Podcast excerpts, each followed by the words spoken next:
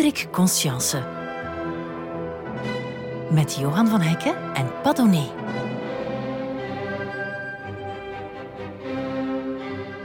De man die zijn volk leerde lezen. Het moet de meest succesvolle catchphrase uit de Vlaamse literatuur zijn. Ze slaat natuurlijk op Hendrik Conscience. En het was de Antwerpse dichter Jan van Beers die deze woorden voor het eerst publiekelijk uitsprak. En dat deed hij bijna 140 jaar geleden op 13 augustus 1883 om precies te zijn. Op die dag werd namelijk het Jezuïetenplein in Antwerpen officieel omgedoopt tot het Conscienceplein. Met feestelijk gedruis werd op het mooiste pleintje van het stad ook zijn bronzen standbeeld onthuld. Hij leerde zijn volk lezen. Wat deze gevleugelde woorden verder nog mogen betekenen, ze waren hoe dan ook de hoogste lof die een schrijver in die tijd te beurt kon vallen. Maar vandaag is het uh, vreemd gesteld met die man die zijn volk leerde lezen. Zijn naam klinkt misschien nog wel vertrouwd in de oren. Dat hij ja, De Leeuw van Vlaanderen heeft geschreven, dat weten we. Maar het lijkt bijna een taboe geworden om publiekelijk nog iets aardigs te zeggen over Conscience. Totaal onleesbaar, gezwollen pathetiek. Niks heeft de tand destijds doorstaan. Wie vandaag Conscience nog leest, is goed voor het gesticht. Laat ons zijn bronzen standbeeld omsmelten. Hij heeft daar lang genoeg zullig voor zich uit zitten staren. Het zijn maar enkele uitspraken uit erudite kringen dan nog wel, waarmee men Conscience de voorbije jaren van zijn sokkel heeft willen halen. Op zijn gigantische oeuvre lijkt een hele dikke stoflaag te liggen. Wie voelt zich nog geroepen om het ervan af te blazen? Wie durft? Wel, Johan van Hekke is zo'n durver.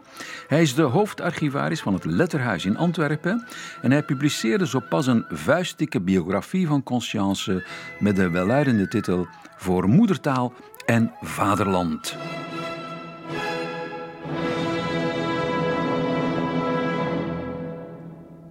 Mijn vroegste herinneringen aan Conscience gaan eigenlijk terug naar de lagere school, waar de leraar het laatste lesuur van de week voorlas uit de Leeuw van Vlaanderen. En daar keken wij dan allemaal naar uit met de klasgenoten. En bekende citaat, wat wals is, vals is. En dan wisten wij na een tijdje dat we dan moesten antwoorden, slaat al dood. Maar dat is toch een, een, gewoon een leuke avonturenroman met interessante personages, goed gestructureerd, heel gevarieerd. Ik begreep niet waarom iedereen daar zo'n probleem mee had. Het is ook de tweede roman nog maar die in het Nederlands geschreven is in België. De eerste roman was ook van Conscience, het wonderjaar. En Die Leeuw van Vlaanderen is dus gewoon de tweede roman. Dat is op zich een geweldige prestatie. Vanuit het niets eigenlijk schrijft Conscience uh, een epos waar iedereen eigenlijk nog altijd over discussieert. En we zijn ondertussen 200 jaar verder. Conscience, de grote onleesbare, niet voor Johan van Hekken dus.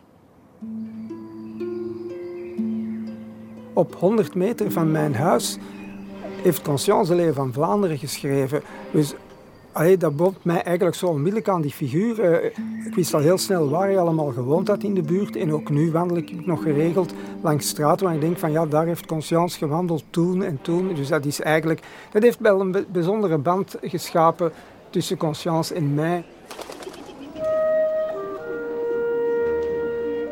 Op weg naar zijn werk in het letterhuis komt Johan bijna dagelijks voorbij het standbeeld van Conscience.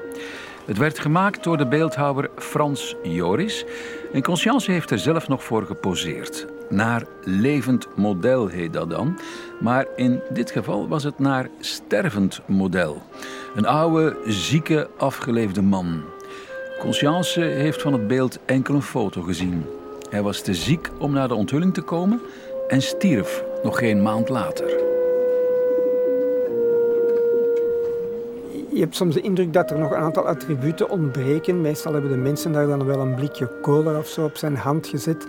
Allemaal een beetje, het is een beetje onterend, maar uh, ja. Nu vind ik dat inderdaad eigenlijk geen geslaagd beeld. Ik zou liever een, een staande conscience hebben gezien. Conscience kon ook, was ook een redenaar. En heeft, de mensen zagen hem ook meestal recht staan. nu, hij, hij zit daar, hij is inderdaad afgeleefd. Het is natuurlijk wel een iconisch beeld geworden Uh, Klaus heeft het ook gebruikt voor, voor, uh, voor foto's. Uh, het is de Conscience met de lange baard. Ook dat is zo'n beetje vreemd. De Conscience heeft drie, vier jaar van zijn leven een lange witte baard gehad. Maar het is het beeld dat de mensen kennen.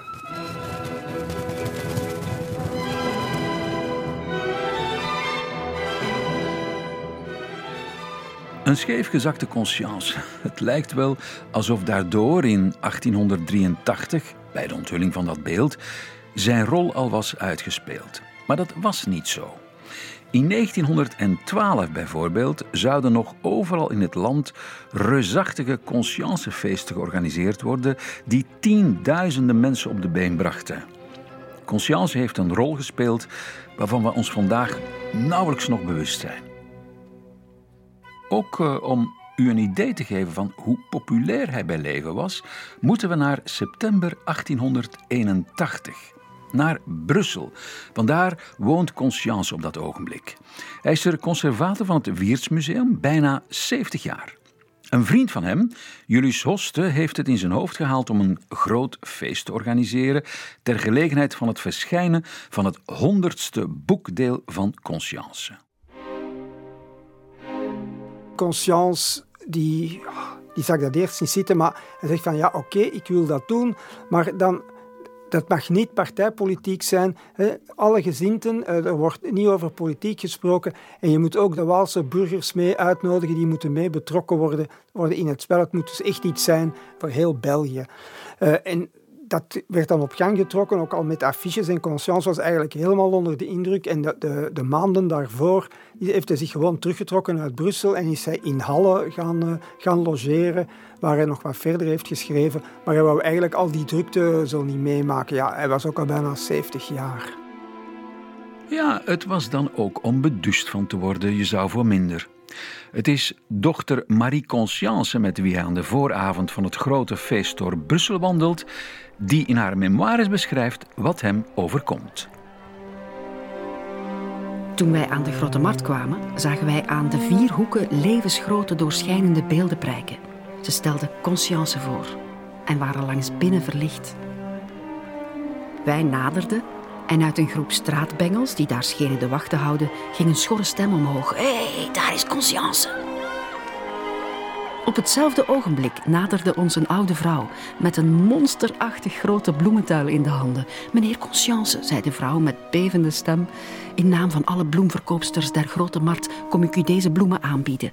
Wij allen kennen en beminnen u. Wij hebben besloten morgen onze tenten niet op te slaan om uw feest mee te kunnen vieren. Al de bloemen die nodig zijn om de beurs te versieren, zullen door ons kosteloos geleverd worden. Leven Conscience, de Vlaamse volksvriend, galmde het over de grote markt. Het volk was rond de plaats waar wij stonden bijeengestroomd. Het juichte, klapte in de handen en wilde dichter dringen, zodat wij bijna verpletterd werden en genoodzaakt werden om met onze grote bloementuil in een rijtuig te stappen. Onmiddellijk werden het paard en rijtuig met bloemen versierd. En zo gevolgd door een woelende, juichende menigte reden wij de Hofberg op.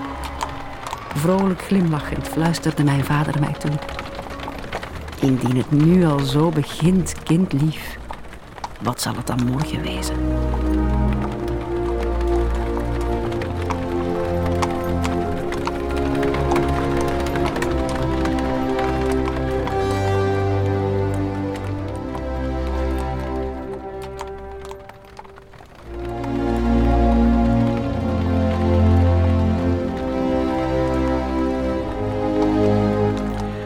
Conscience glimt van trots, maar is toch ook overdonderd door alle aandacht. En het is inderdaad klein bier vergeleken bij wat hem de volgende dag te wachten staat. Een journalist van de krant De Vlaamse Kunstbode brengt verslag uit. Uit al de gouwen van het Vlaamse vaderland hadden de vereerders van Conscience zich naar Brussel begeven om in de hoofdstad zelf de getuigenis te komen afleggen van het bestaan en de kracht van het volk. Antwerpen, de Vlaamse stad bij uitnemendheid, de bakermat van hem die reeds honderd boekdelen in de wereld zond, was door duizenden van haar kinderen te Brussel vertegenwoordigd. Uit al de steden en dorpen van Vlaanderen was een grote menigte naar de hoofdstad gestroomd om hun blijde stem te mengen in het grootse koor van hulde en dank. Reeds van negen uur s morgens begon de beweging rond de Noorderstatie. Een helder zonnig weer begunstigde de feestvierders. Blijdschap en opgetogenheid blonk op ieders aangezicht. Daar stond de eerste trein uit Antwerpen de statie binnen. Een tweede en een derde volgen weldra. En op een ogenblik is het overgrote plein voor de statie met mensen overdekt.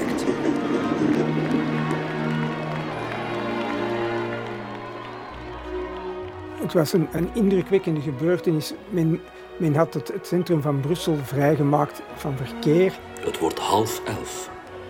De laatste treinen uit Vlaanderen, Brabant en Limburg komen toe. De stoet wordt langsheen de Antwerpse laan gevormd. 300 maatschappijen, waartussen afgevaardigden van Noord-Nederland, Duitsland en Frans-Vlaanderen staan gereed voor de optocht. Overal glinsteren de met goud doorstikte vaandels. Overgrote vlaggen, waarop de Vlaamse leefde prijken staat, wapperen boven die zee van mensenhoofden. Ruikers van de kleurigste bloemen, kronen van laurier en van klimop worden door elke maatschappij gedragen. Er heerst een leven, een beweging welke geen pen beschrijven kan.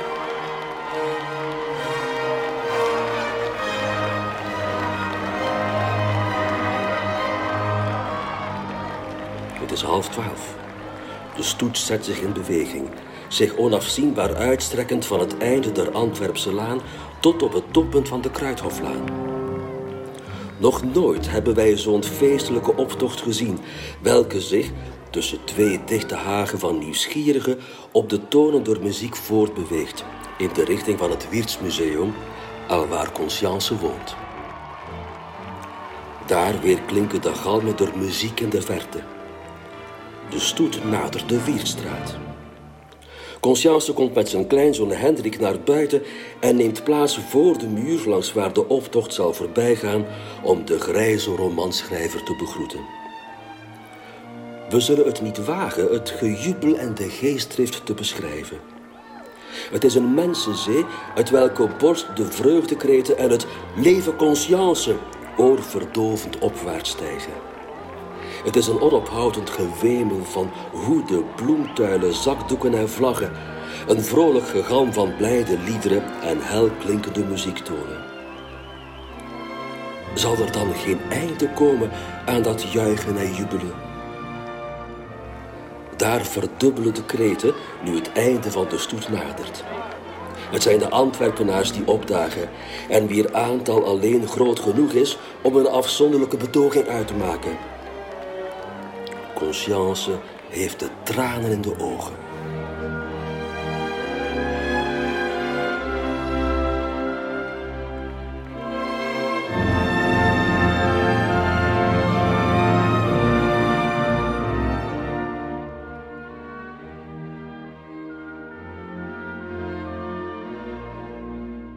Ja, het, blijft maar doorgaan. Hè. 1200 kinderen van de muziekacademies van Brussel die komen samen, die zingen in Conscience's tuin. In, in die tuin houdt Eugène Strooband, een van de organisatoren, een feestreden waarin hij nog eens alles opzond wat Conscience bereikt heeft in zijn leven. Al zijn boeken, al zijn, uh, zijn heldendaden voor het Vlaamse volk. Uh, een ontzettende lijst. Geliefde Conscience. Het Dietse volk bemint u, omdat gij het in uw werken getroost hebt en goede raad gegeven, door het geloof in deugd en recht, door voorbeelden van edele daden, van moed en van betrouwen op de hemelse voorzienigheid.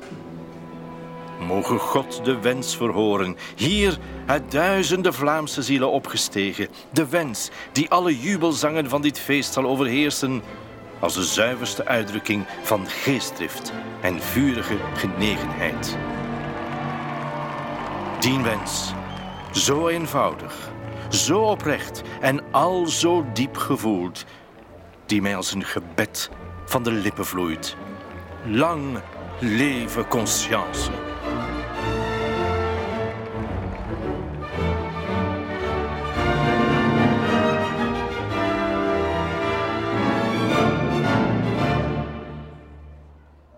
Ze gaan daarna naar het beursgebouw. Het beursgebouw is helemaal versierd met doeken en ze hebben alle titels van de 71 romans van Conscience daarop geschilderd. De 71 romans die samen 100 boekdelen uitmaken. En die de, eh, de honderdste boekdeel is de reden van, van de viering. En Conscience gaat bovenaan de trappen zitten met de, met de commissieleden en, en de familie. En die stoet, die lange stoet, komt daar weer opnieuw voorbij. Nu kan, gaan er mensen die uit de stoet komen, leggen bloemen en kransen op, op, uh, op, de, op de traptreden. En het, uh, ja, daarna komt Conscience en dat gezelschap komt op een podium en men begint cadeaus te geven. En Conscience staat recht en neemt zelf het woord en, en hij zegt van ja, we gaan dat, het gaat niet om mij. Hij zegt, het gaat niet om mij, je moet mij niet vieren. Eh, het is eigenlijk eh, ons volksbestaan dat je moet vieren. We vieren 50 jaar strijd voor de vooruitgang van onze moedertaal. En we hopen dat we eindelijk gaan zegenvieren. Dat moeten we vieren, zegt hij. Niet ik, ik ben maar een schrijver. Ik weet goed welke hoedanigheden de hemel mij niet gegeven heeft. Laat mij toe mijn persoon terzijde stellen, opdat ik ook genoegen kan hebben van hetgeen hier geschiet. Vergeet niet dat ik niet alleen gearbeid heb. Vergeet toch niet dat zoveel in het graf reeds slapen die zoveel aan de Vlaamse zaak meegeholpen hebben als ik zou kunnen gedaan hebben. Noemt mij geen genie, ik ben geen genie, maar gij. Vlaamse mannen en vrouwen, gij bemint mij. Zou dat zijn omdat ik een genie ben? Nee. Maar omdat mijn hart in uw hart eenstemmig heeft geklopt. Omdat wij altijd hetzelfde streven hebben gehad. Uw liefde voor de moedertaal. Uw deugden. Uw echtelijke trouw heb ik geschetst en ik heb u altijd geëerbiedigd tot in de minste mijner geschriften. En daarom hebt gij mij lief, gelijk ik u heb lief gehad. Wat mij bewoog tot schrijven was niet om roem te oogsten, maar ooit de beloning te smaken die gij mij heden brengt. En dat is uw genegenheid en vriendschap. Dus, goede broeders, vrienden, noemt mij geen genie. Geef mij uw hand en noem mij broeder en vriend en ik zal gelukkig zijn. Ik bedank de leden van de commissie voor al hetgeen deze gedaan heeft. Zij heeft een kroon gezet niet op mijn hoofd, maar op het hoofd van Vlaanderen.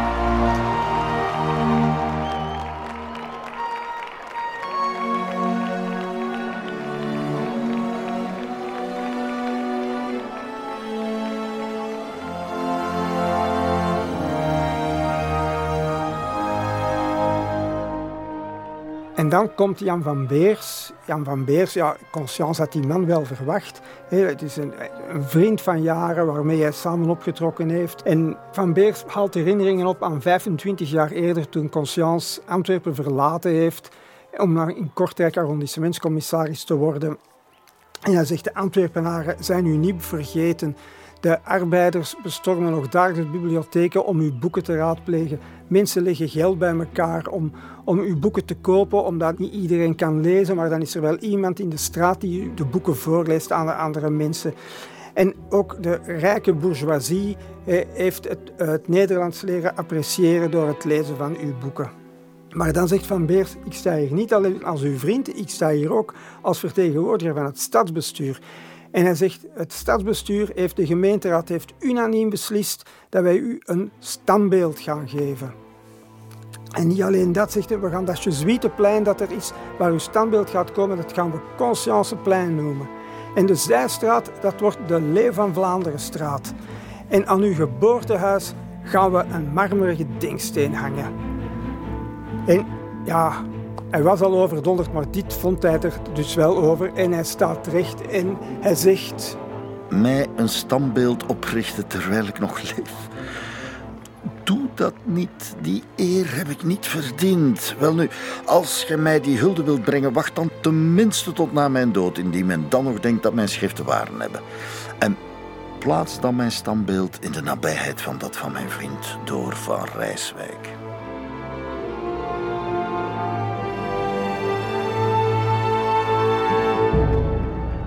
En Conscience gaat terugzitten terwijl het publiek blijft uh, jouwen en geestdriftig en roepen. En, en, en dan komt Peter Benoit op het podium en dirigeert een, een, een muziekstuk. Conscience's favoriete zangeres komt zingen. Hij krijgt nog diploma's overhandigd van de Maatschappij voor Nederlandse Letterkunde. Hij krijgt een eredoctoraat van de Universiteit van Leuven. En de volgende componist, Edgar Tinel, komt, komt dirigeren, een huldezang. En zo, de viering loopt ook compleet uit en ze moeten een heel stuk van het programma schrappen. En ja, s'avonds is er dan om, om zes uur is er een banket en rond acht uur zijn er dan de volgende feestelijkheden in de raadzaal van het stadhuis en burgemeester Karel Buls geeft een redenvoering in het Nederlands. Ja, dat zijn allemaal onverwachte gebeurtenissen. En buiten op de Grote Markt is er een gigantisch volksfeest, dus Bengaals vuur enzovoort. Maar ja, België blijft België begint te regenen, begint te regenen. En uiteindelijk valt het hele volksfeest in het water. Hoe jammer.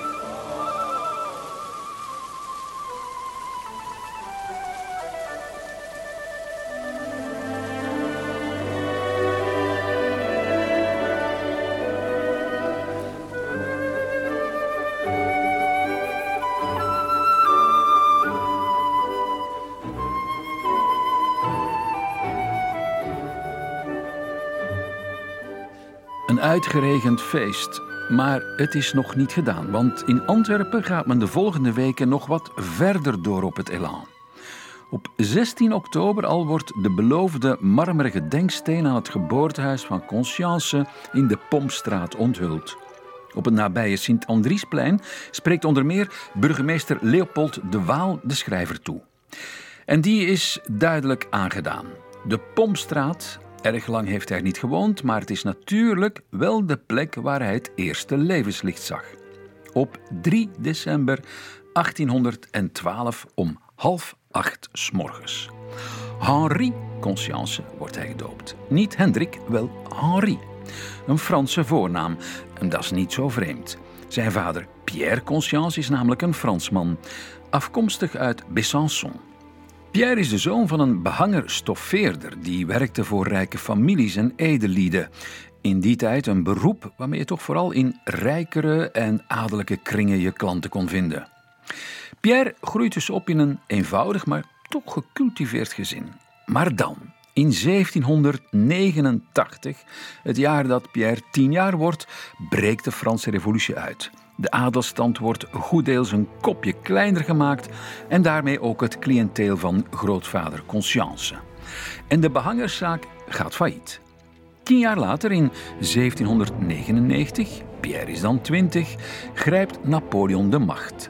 Gevolg: Pierre en ook zijn jongere broer zijn ondertussen onder de wapens geroepen, maar weigeren dienst te nemen. Ze weten zich een tijd te verschuilen in het gigantische Forêt de Chaux in de Franche-Comté, maar helaas niet voor lang. Gendarmes weten hen te vinden en ze worden ingelijfd bij de mariniers. En als er één plek is in het Napoleontische leger waar je niet wil zitten, dan is het daar wel. Mariniers die tegen Engelsen moeten gaan vechten. Het is een verloren strijd natuurlijk, ook als Franse mariniers zijn, want die Engelsen zijn natuurlijk veel beter. Dus het gevolg is dat Pierre eigenlijk meer tijd in krijgsgevangenkampen doorbrengt dan dat hij eigenlijk moet vechten. Dus, uh, en hij heeft ook een beetje geluk. Uh, drie keer wordt hij uitgewisseld tegen Engelse soldaten en wordt hij terug op een boot gezet die dan weer gekanoneerd wordt door de Britten. uiteindelijk komt hij terecht in Norman Cross op het Britse vasteland, het eerste echte krijgsgevangenkamp. En daar gebeurt dan eigenlijk een van de meest dramatische dingen uit zijn leven. Want zijn, zijn, zijn jongere broer Paul is met hem meegegaan. Die wou zijn broer niet achterlaten. Die is mee in dat leger gegaan. Wordt ook altijd mee krijgsgevangen genomen. En Pierre wordt ziek in Norman Cross en heeft hevige keelpijn, brandende pijn. En, en zijn broer Paul gaat water halen in de waterput en is zo, zo snel en driftig dat hij dus in die put tuimelt en verdrinkt. Wat natuurlijk Pierre zijn hele leven heeft meegedragen, want zijn broer is dus gestorven om hem te helpen. En het tragische is dat hij kort na de dood van Paul terug uh, uitgewisseld wordt en Norman Cross verlaat en uh, naar Boulogne gaat, waar hij uiteindelijk zijn wapens inlevert en uh, een vrij burgerman wordt. En zo belandt de vrije burger Pierre Conscience op 26 februari 1807 in Antwerpen. Hij hoopt daar werk te vinden. Antwerpen staat op dat ogenblik nog onder Frans bestuur. De stad is volgens Napoleon het pistool gericht op het hart van Engeland en dus moeten er oorlogsschepen worden gebouwd. Met de ervaring die Pierre ondertussen heeft bij de Franse marine, is het dan ook niet moeilijk om werk te vinden op een van de vele scheepstimmerwerven. Met zijn karig loontje huurt hij een kamertje in het Sint-Andries-kwartier en s'avonds bezoekt hij de kroegen in de nabijgelegen Kloosterstraat. En daar leert hij op een avond Cornelia Balieu kennen, een mooie jonge vrouw. Blonde krullen, blauwe ogen, een beetje een engelachtige verschijning. Ze werkt in een reukwarenwinkel op de Groenplaats bij een Waals echtpaar uit Waver, van wie zij een beetje Frans heeft geleerd en waarmee ze dus met Pierre kan converseren. En ze laten er geen gras over groeien. Pierre en Cornelia die trouwen in Antwerpen in 1809 en al hetzelfde jaar wordt het eerste zoontje geboren dat ook Pierre heet. Een jaar nadien komt er een meisje dat sterft vrijwel onmiddellijk. En twee maanden later sterft ook Pierre. Kunnen van nul beginnen. En dan verhuizen ze naar de Pompstraat. En daar wordt op 3 december 1812 de kleine Henri geboren. Maar ook Henri is een heel zwak boeleke. Zo zwak dat ze zeggen, we gaan hem maar meteen laten dopen. Het is een aandoenlijk doopverhaal geweest en Pierre moet dat constant verteld hebben in de familie, want Conscience geeft dat ook heel gedetailleerd weer in zijn geschiedenis mijner jeugd. Zanderendaags werd in de Sint-Andrieskerk het kind ten doop gebracht. Het wichtje was uitnemend klein en zwak. De baker, telkens zij het kind bekeek, schudde het hoofd als wilde zij zeggen: Het zal niet lang leven. Toen de pastoor de schedel van het arm lammeke met water besproeide, schreeuwde het echter even luid als een sterker kind.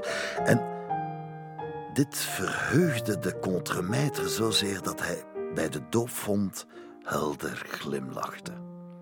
Hij hoopte dat zijn zoon toch zou leven, aangezien hij zulke goede borst had.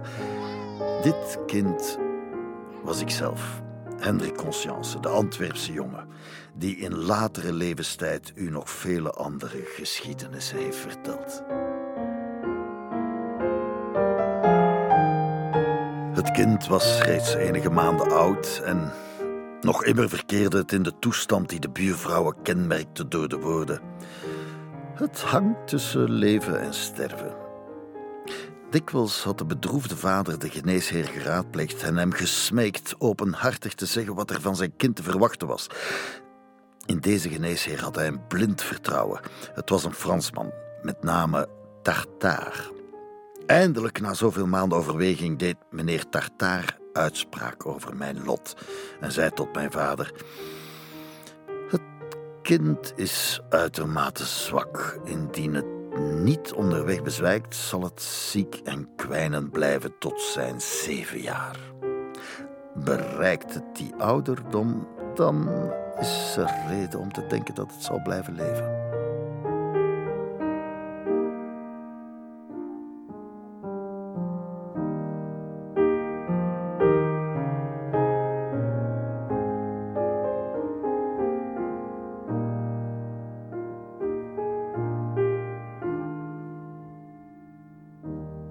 En ondertussen veranderde er ook veel in de stad. Op 1 mei 1814 verlaten de Franse troepen Antwerpen, terwijl Napoleon zijn wonden mag likken op Elba.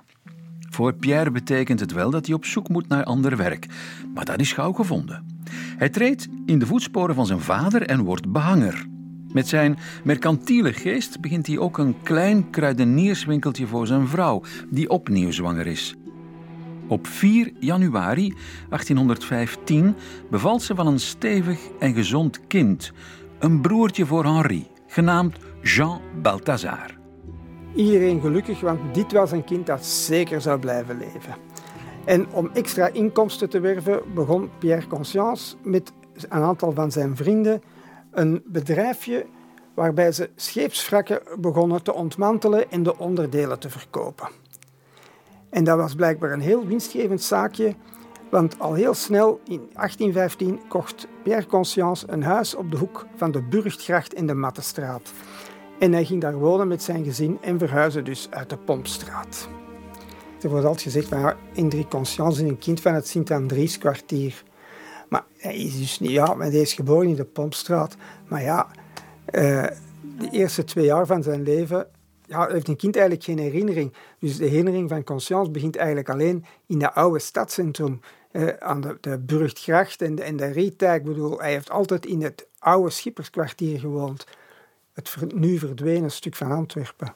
Dus hij is niet echt een kind van Sint-Andries, maar hij is een kind van de oude, oude Antwerpse middeleeuwse stad. Ja, de kleine Henri uh, bleef toch wel, wel zwak. Hij, hij, wandelde met krukken en het ging eigenlijk van kwaad naar erger, want na een tijd kon hij niet meer gaan. Hij, had een soort, uh, hij, hij wijte dan een soort gebeenteverzwakking, maar hij moest van kamer naar kamer gedragen worden, want hij kon niet meer eigenhandig op zijn benen staan. Maar zijn vader die heeft hem eh, op een bepaald moment een raaf meegebracht die, die hij gevonden had. Die was uh, gewond geraakt aan de vleugels. En de kleine Henri heeft zich daar kunnen op toeleggen, heeft die vogel verzorgd. En uh, die kon dan wel niet meer vliegen, maar die is altijd bij hem gebleven. En dan zaten ze samen op tafel en dan leerde hij die raaf kunstjes en zo. En, en hij speelde daarmee. Dat was zijn, zijn, zijn vaste compagnon, want dus met kinderen uit de straat spelen zat er op dat moment nog altijd niet in. En zijn moeder had natuurlijk ook niet zoveel tijd, want die had een kruidenierswinkeltje dat ze moest runnen. De raaf werd al gauw mijn boezemvriend. In enkel ogenblik mocht ze mij verlaten. De ganse dag sprak ik haar aan, gaf haar van allerlei aas dat ze liefst had en leerde haar mij kleine voorwerpen te brengen of andere kunstgrepen verrichten. Ons beiden was de tafel die mij bij dag tot ziekbed verstrekte, een gehele wereld van genoegen en vriendschap. De vogel genas spoedig en scheen mij dankbaar. Hij kuste mij wanneer ik het hem gebood. Hij legde zich op mijn borst bij het minste teken en bespiedde op mijn gelaat wat ik hem wilde zeggen. Zeer dikwijls, wanneer de raaf het hoofd terzijde legde en met een haar zwarte, beweegbare ogen in mijn ogen blikte, ontstond in mij het denkbeeld dat de arme vogel verstand had en dat hem niets dan de spraak ontbrak om mij zijn gewaarwordingen mede te delen. S'avonds, na mijn insluimeren, droeg men mij naar boven op een slaapkamerke. De raaf moest mij volgen. Haar kooi hing nevens mijn bed en in het begin bracht men de vogel mij achterna. Doch later was hij zozeer aan mij gehecht dat hij vanzelf de trap ophuppelde om met mij te gaan slapen. Een raaf als speelkameraad. Toch wel bijzonder, want nog geen 50 jaar nadien zouden ze uitgestorven zijn in Vlaanderen. Het laatste broedend paar werd in 1865 in Wilrijk gespot. Maar er is nog iets dat in die jaren een belangrijke invloed zou hebben op de kleine Henri. Vader Pierre, altijd op zoek naar lucratieve zaakjes, kocht ladingen oud papier om te verwerken tot boterpapier. Zo had Cornelia, zijn vrouw, verpakkingspapier voor haar winkeltje. En met wat overschot zette hij zelf een handeltje op. Oud papier dus. Veel van dat oud papier waren oude boeken. En Henri die zat daar aan dat tafeltje en die kreeg die boeken te pakken die zijn vader had meegebracht en hij begon daarin te blaren. Er waren veel oude boeken met prenten en hij wou dan weten wat staat er op die prenten. En dus s'avonds als zijn vader thuis kwam, dan moest zijn vader uitleg geven en zijn vader heeft hem dan het hele alfabet geleerd, zodanig dat hij dan kon lezen wat er onder die printen stond. Vandaar dat de kleine Conscience dus al heel vroeg kon lezen. En zijn favoriete boek, dat gaat later ook nog terugkomen, is Johan Nieuwhofs Gedenkweerdige zee- en landreizen na en door Oost-Indië. Een fraai geïllustreerd folio-boek uit 1682. Dat gaat over Johan Nieuwhof, een Nederlander die uh, de wereld bevaart als een soort ontdekkingsreiziger en verslag uitbrengt van al die dingen, van wat, wat er in Brazilië gebeurt en, enzovoort. En uh, de rol van vader Conscience is dus niet te onderschatten. Hij hij vertelt ook ontzettend veel verhalen van vroeger, van de revolutie, van de avonturen op de boten, de stormen die hij meegemaakt heeft. Dus hij vertelt veel verhalen in het Frans, naast dat hij hem dus wat leert, uh, leert lezen. Dus hij, hij wordt voor een stuk opgevoed in het Frans, maar zijn moeder kent wel een beetje Frans, maar die vertelt hem verhalen, uh, die, die kent uit haar familie volksverhalen, uit, uit de Kempen. En zij vertelt die dingen allemaal in het Nederlands. En ze vertelt ook heel veel over de hemel, want ja, het kindje is, zo, is toch nog altijd zwak en ze denkt dus dat Henri gaat sterven. En daarom, hoe meer hij weet over de hemel, hoe beter. Dan weet hij waar hij naartoe zal gaan en dan moet hij ook geen schrik hebben om dood te gaan. Maar uiteindelijk is de moeder die doodgaat in, in 1920. Van de laatste vier kinderen zijn er twee doodgeboren. Er is er één uh, na een, week gestorven en één na een half jaar. Dus de moeder was gewoon uitgeput van het, van het kinderen baren. En ja, voor Conscience blijft zij dus uh, die, die blonde vrouw met de blauwe ogen die hem vertelde over, over de hemel. En hij is dan ook wel zelf gerustgesteld, want hij weet nu, ziet zijn moeder in die hemel en kijkt vandaar op hem neer. Terwijl de bedoeling omgekeerd was geweest. Maar ja, kijk. Het gezicht der kist waarin mijn moeder opgesloten lag, deed mij sidderen.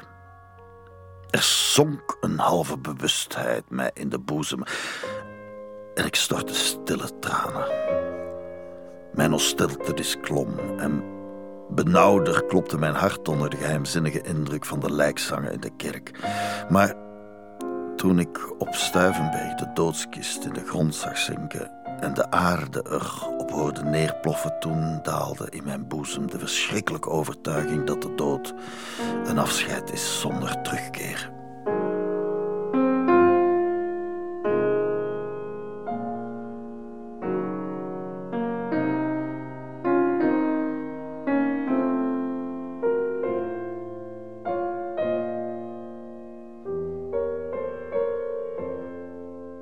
Nu Conscience ervan overtuigd was dat zijn moeder gelukkig was in de hemel en op hem neerkeek, uh, hielp hem dat om uh, te herstellen van, van de zware slag. En hij dacht zelf ook dat dat te maken had met de grote beweegbaarheid van de kinderziel, zoals hij dat uitdrukte in zijn jeugdherinneringen. Zijn vader stond er nu alleen voor. En aanvankelijk was er nog een zuster van zijn moeder die kwam helpen in dat winkeltje, maar voor voor Pierre mocht het allemaal niet te veel kosten, dus de zuster vond dat zij onderbetaald werd, dus uh, uh, zij ging weg. En uh, Pierre stond er alleen voor, waardoor Henri en zijn broer Jean Balthazar ook veel meer vrijheid kregen. Ze gingen trouwens ook naar school. Dus Henri was al sterker geworden. Het is een beetje zoals die arts voorspeld had. Hij was, uh, hij was acht jaar ondertussen, dus die grens van die zeven jaar was voorbij en Conscience werd sterker en uh, kon zich begeven tussen de kinderen, ging naar school bij Anton van Rotterdam in de Zilversmidstraat en s'avonds en, uh, en zondags speelde hij met de kinderen uit zijn buurt. Het is dus niet zoals sommigen zeggen dat hij, dat hij alleen en teruggetrokken in, in het huis zat. Nee, nee, hij heeft wel een, een goede, leuke jeugd gehad. Hij ging zondags naar, de, naar het poppenspel kijken. En aangezien hij goed kon vertellen, dat had hij al van, van jongs af aan, kwamen de jongens uit zijn buurt ook bij, bij hem zitten. En dan s'avonds zaten ze op de keldermond voor zijn huis. En Conscience vertelde dan wat hij gezien had in die poppenspelen, wat hij gelezen had in, in blauwboekjes die hij, zo, die hij zo kocht, kleine boekjes met volksverhalen. Hij kon dat, en, hij, en hij vertelde erover aan zijn vriendjes.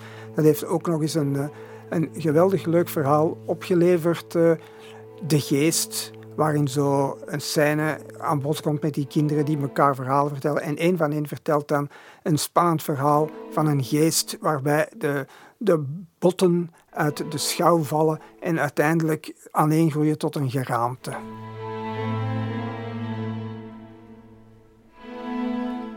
De Pouchinellen zetten de verbeelding van Conscience aan het werk, maken van hem een echte verhalenverteller. En dan gebeurt er weer iets wat zijn karakter zal vormgeven. Wanneer Conscience 13 jaar is. In juli 1825 verhuist hij weer en ditmaal uit het stadscentrum. Zijn vader heeft namelijk in november 1824 een grote tuin gekocht op de Groene Hoek, een gebied buiten de stadswallen bijna tegen de grens met Borgerhout. En hij bouwt er eigenhandig een houten huis.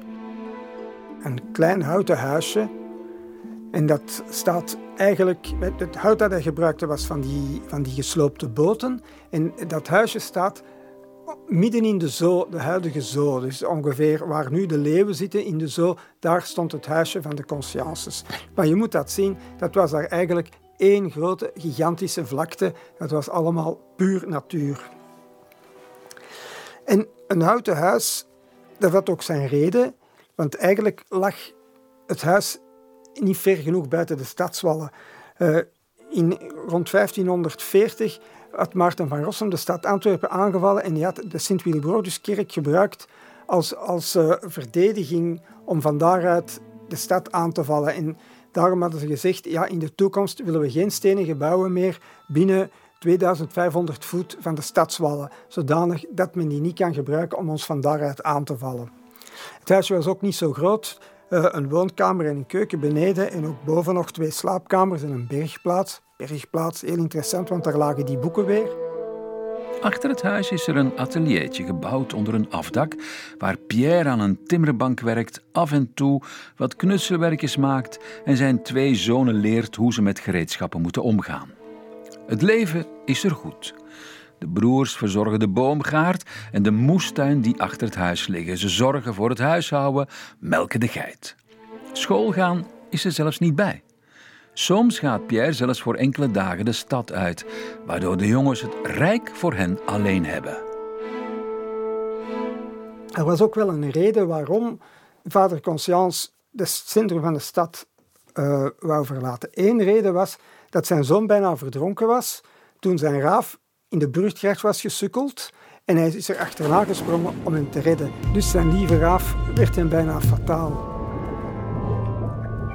Ik herinner me nog hoe ik een tijd onder het water vroetelde en worstelde en hoe ik mij voelde sterven, totdat alle bewustzijn mij ontging. Men had mij echter gered.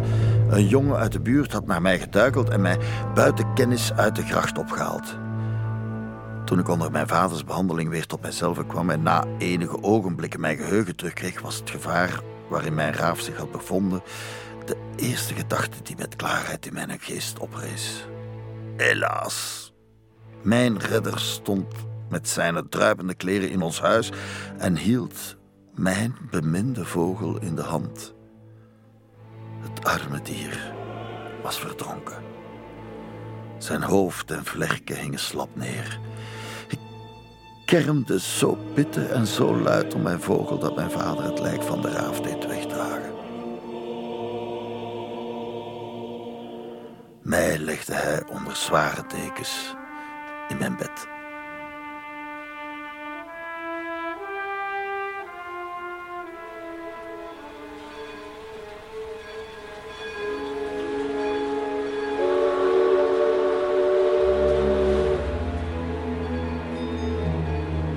Maar er was nog een tweede reden waarom Pierre weg wou uit de stad en in de Groene Rand ging wonen.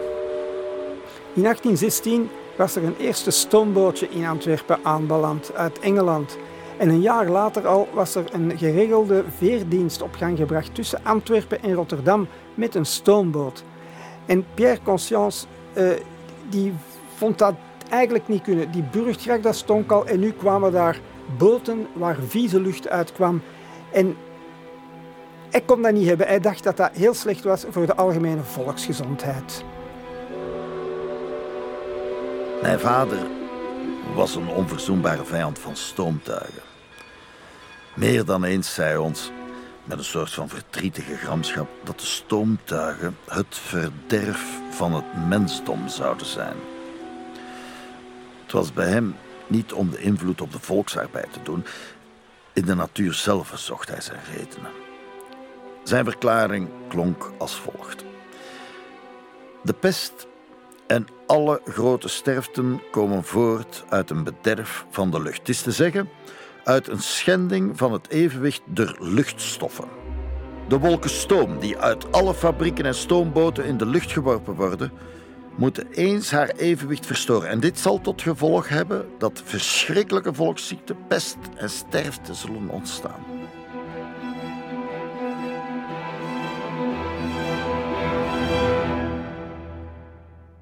Ja, dat klinkt wel heel visionair, maar het is een gevoel dat bij de bevolking meer zou gaan groeien, zeker als enkele jaren later de eerste stoomtreinen ook door het land rijden en men bang heeft dat de koeien geen melk meer zullen geven en de kippen geen eieren meer zullen leggen.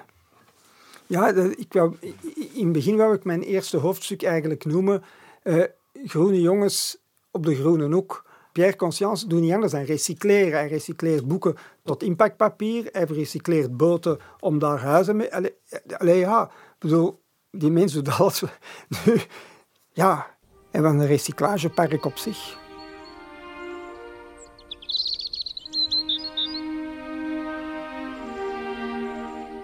Het leven op de Groene Hoek in de volle natuur heeft in ieder geval veel bijgedragen aan het verder herstel van de gezondheid van de jonge Henry.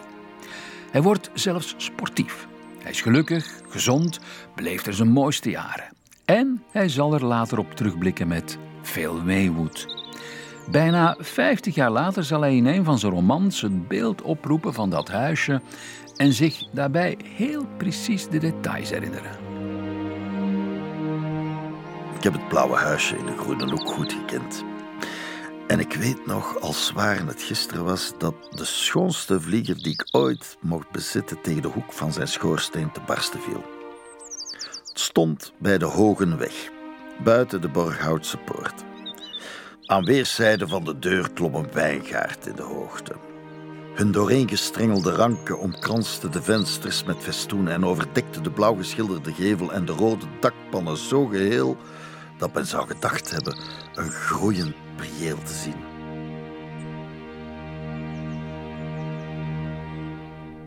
Nu is dit huisje sedert vele jaren verdwenen. De beroemde diergaarde en de uitgestrekte standplaats van de IJzeren Weg hebben de grond waarop wij toen leefden ingenomen en er alles vernietigd of vervormd. De beroemde diergaarde is er nu. Mocht u nog eens de Antwerpse Zoo bezoeken, bedenk dan dat u er ook door de tuin van Hendrik Conscience loopt. Zorgeloze jaren waren het voor hem. Van leerplicht is er nog lang geen sprake. Pas in 1842 zou er een eerste schoolwet gestemd worden. Voor die tijd voorzag de Belgische grondwet een totale vrijheid van onderwijs. De leerplicht zou pas in 1914 ingevoerd worden. Maar daar is dus nu nog geen sprake van, trouwens, van het land België ook niet. Voorlopig staan we nog onder Nederlands bewind, toch nog voor heel even. Maar geen school betekent nog niet dat Hendrik uh, niet leergierig is. Hij wil leren, veel leren, en het middel daartoe ligt bij de familie Conscience binnen handbereik. De boeken. De boeken bleven natuurlijk ook nog altijd hun rol spelen. De boeken die daar in dat, in dat kamertje lagen, Conscience hij was niet geïnteresseerd in de, in, de, in de poëzie en in de romans, maar de wetenschappelijke werken, die, die, uh, dat sprak hem aan. Hij gebruikte ook, hij, hij, probeerde Engels te leren, hij had een Engelse grammatica gevonden, Engels woordenboek, en hij denkt van op die manier kan ik beter Engels leren, en kon hij ook weer Engelse boeken lezen. En zo was er een, een histoire naturelle van, van, van Dumeril, die kende hij bijna helemaal van buiten. De natuur fascineerde hem buitenmate. Het is daar, in de kluis, in de groene hoek, dat mij een innig gevoel der natuurschoonheid ontstond. Toen ik bij het aanbreken van de lente voor de eerste malen ontwaakte, was alles wat mij omringde geheel nieuw voor mij. Ik voelde de zoele lucht mij in de longen dringen. Ik zag de dauwdruppels in het hart der bloemen glinsteren. Het zonlicht tussen de kruiden spelen. De zingende vogels in het geboomte dartelen. Duizenden diertjes onder mijn ogen wemelen. Alles, alles rond mij zong en juichte van levensblijheid onder een blauwe hemel. Zo breed als mijn ganse wereld en zo onpeilbaar diep als de oneindigheid zelf.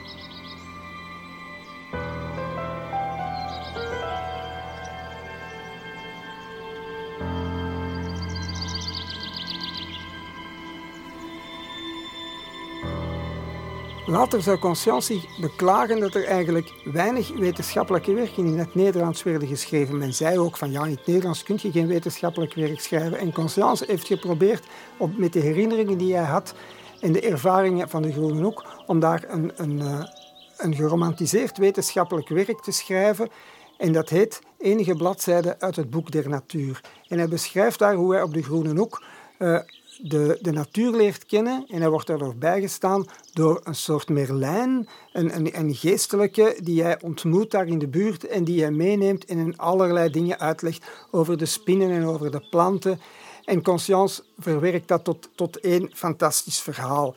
En uh, in zijn geschiedenis mijner jeugd vertelt hij dat die man ooit verbonden was geweest aan de Sint-Jacobskerk, maar met de Brabantse uh, omwenteling dan uh, bleek dat die man een aanhanger was van, van keizer Jozef en daardoor was hij dan zijn job kwijtgeraakt en was hij daar in de buurt als eremiet gaan wonen.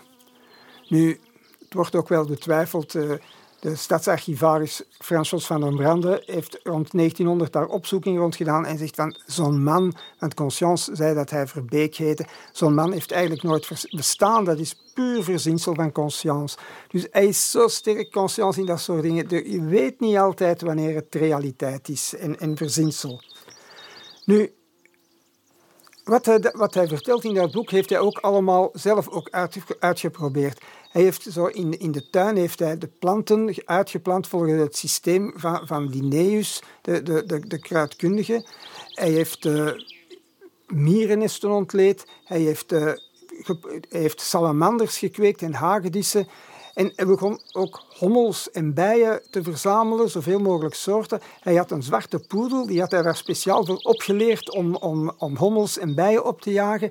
En hij verzamelde dan die verschillende soorten bijen en hommels in bloempotten, die daar dan weer een eigen nest vormden. En met vriendjes organiseerden ze dan wedstrijden, wat wij nu kennen als duivenwedstrijden, deden zij met hommels. Ze namen die mee, uh, een kilometer verder en dan was het een wedstrijd om te zien welke hommels het eerst terug thuis waren. Hommels en een poedel. Conscience als grote diervriend. Vooral zijn liefde voor honden zal een constante blijven in zijn leven. Daar, in de Groene Hoek, in dat landelijke voorgeborgte van Antwerpen, gebeuren nog meer dingen die bepalend zullen zijn in zijn latere leven. In die periode heeft ook een zeer belangrijke ontmoeting plaats. Je hebt de jongen met de zwarte poedel en die ontmoet op een bepaald moment de jongen met de ezel. De jongen met de ezel was drie jaar jonger dan Conscience en die woonde in de Carnotstraat, daar vlakbij. De, dat was toen de Borgerhoutse Steenweg. En doordat hij een ezel had, kwamen veel jongens bij hem langs, dan konden ze op zijn ezel zitten. En Conscience en die jongen, die heette Jan Alfred de Laat of Jan, Jan de Laat. Hij heette eigenlijk Jean-Jacques, maar later gaan we hem vooral kennen als Jan de Laat. Dat klikte onmiddellijk met Conscience en die zijn onmiddellijk opgetrokken. En dat zijn levenslange vrienden gebleven. Het is, een, het is zo, zo'n vriendschap die niet alleen het leven van iemand bepaalt, maar ze gaan samen bijdragen tot belangrijke ontwikkeling binnen een land dat op dat moment zelfs nog niet bestaat, eh, België. Jan de Laat en Hendrik Conscience zullen inderdaad samen hun naam schrijven in grote gouden letters in het geschiedenisboek van de Vlaamse beweging. Maar daar zijn we nog lang niet. De weg daarnaartoe zal door diepe dalen gaan. Niets blijft ooit duren en ook voor Hendrik moet er spijtig genoeg een einde komen aan die zorgeloze jaren in de Groene Hoek. Het zijn de wonderjaren van Henri Conscience en ze lijken lang geduurd te hebben, maar zo heel lang zal het nu ook weer niet geweest zijn. Want op het einde van 1825 leert zijn vader uh, een nieuwe vrouw kennen. Anna Catharina Bogaert, 25 jaar. Hij ontmoet haar in een café. Een café waar hij in terecht komt omdat hij aangetrokken wordt door het uithangbord. Een omgekeerde bijenkorf waar iemand ingevallen is en de benen steken eruit. Maar hij begrijpt niet wat er voor tekst eronder staat en hij vraagt aan een van de voorbijgangers, die blijkbaar toch wel naar die kroeg wou gaan, wat wil dat nu eigenlijk zeggen? In den zoeten inval. En ja, het wordt hem uitgelegd, ja, hij vindt dat dan wel leuk, eh, van die bijenkorf. En gaat binnen in het café en ontmoet daar, ontmoet daar die vrouw. En na een paar, paar weken al stelt hij haar voor om met haar te trouwen. En zij zegt, ja manneke, zei jij niet goed? Je bent twee keer zo oud als ik. Ja, maar zegt hij, uh, ik ben nog heel viriel. Ja, ja, zegt die vrouw, dat zal wel. Maar dan komt hij met doorslaande argumenten. Hij zegt, ik heb hier een huis om de hoek, maar ik heb er ook nog twee in het centrum van de stad. En aan Dankerui heb ik ook nog een huis met een tuin. Ah ja, zegt die Anna-Catharina Bogaert, maar met u wil ik wel trouwen. En ja, Pierre Conscience is heel enthousiast, maar die twee zonen zijn heel wat minder enthousiast. Want er komt een eind aan hun vrijgevochten leventje, want er komt een vrouw in huis die uh, orde, stiptheid en netheid brengt. En dat zijn die twee jongens niet gewoon. Nauwelijks had deze nieuwe moeder bezit van het huis genomen of overal werden sloten opgemaakt. En zij begon het huishouden te besturen met een regeltucht. Lovenswaardig, zeker. Maar welke strengheid ons verbaasde en bedroefde. Wij die zo vrij en zo teugeloos gedurende jaren over alles hadden beschikt, konden zelfs nog geen boterham meer bekomen dan alleen op de vastgestelde uren. Wij die zo onbezorgd alles hadden verbruikt, versleten en gebroken, mochten nergens meer aan roeren. Wat enige waarde had, hoe gering ook, moest worden bewaard en gespaard. Geen nutteloos getimmer meer, geen putten meer in de tuin, geen bomen meer geschonden. Ja, ze zit daar met twee pubers en die komen, die komen in verzet. En uh, ja, die vader, dat zijn bedrijfje floreert niet zo. Dus hij heeft, een, hij heeft nu ook een veerdienst tussen het Oud-Palinghuis en de dokken. Dus hij is ook overdag niet thuis. En, en s'avonds komt hij dan thuis en dan begint zijn vrouw van horen te maken. Ja, die rotjongen hebben weer dit en dat gedaan. En dan, en dan haalt hij zijn rietstok boven. En, uh, ja. en het is ook zo, de, de conscience hoort allerlei scheldwoorden. Hè. Hij is een, een, een, een koppige vlegel en een nietsnut. En hij hoort ook het woord flajut. Zijn vader noemt hem een flajut. Dat is het, het scheldwoord dat de, de tegen de Vlamingen hebben. De Chinoes, dat zijn de Fransen die zeggen... Chez nous, het is allemaal beter. Hè. Dus, uh, ja, en op dat moment is dat de eerste keer dat Conscience beseft, of dat dus Henri Conscience beseft, dat zijn vader eigenlijk een, andere, een ander vaderland heeft dan hij. De benaming van Flagu, die mij zo dikwijls als een vernederend verwijt in de oren klonk, bracht mij toen voor het eerst tot het klare besef dat het geboorteland van mijn vader mijn vaderland niet was. Ik liep met deze zonderlinge overweging maandenlang in het hoofd en mijmerde. Eindelijk stond in mij een gevoel van nationale fierheid op tegen het herhaalde verwijt van Flaju. Ik zweeg en kopte.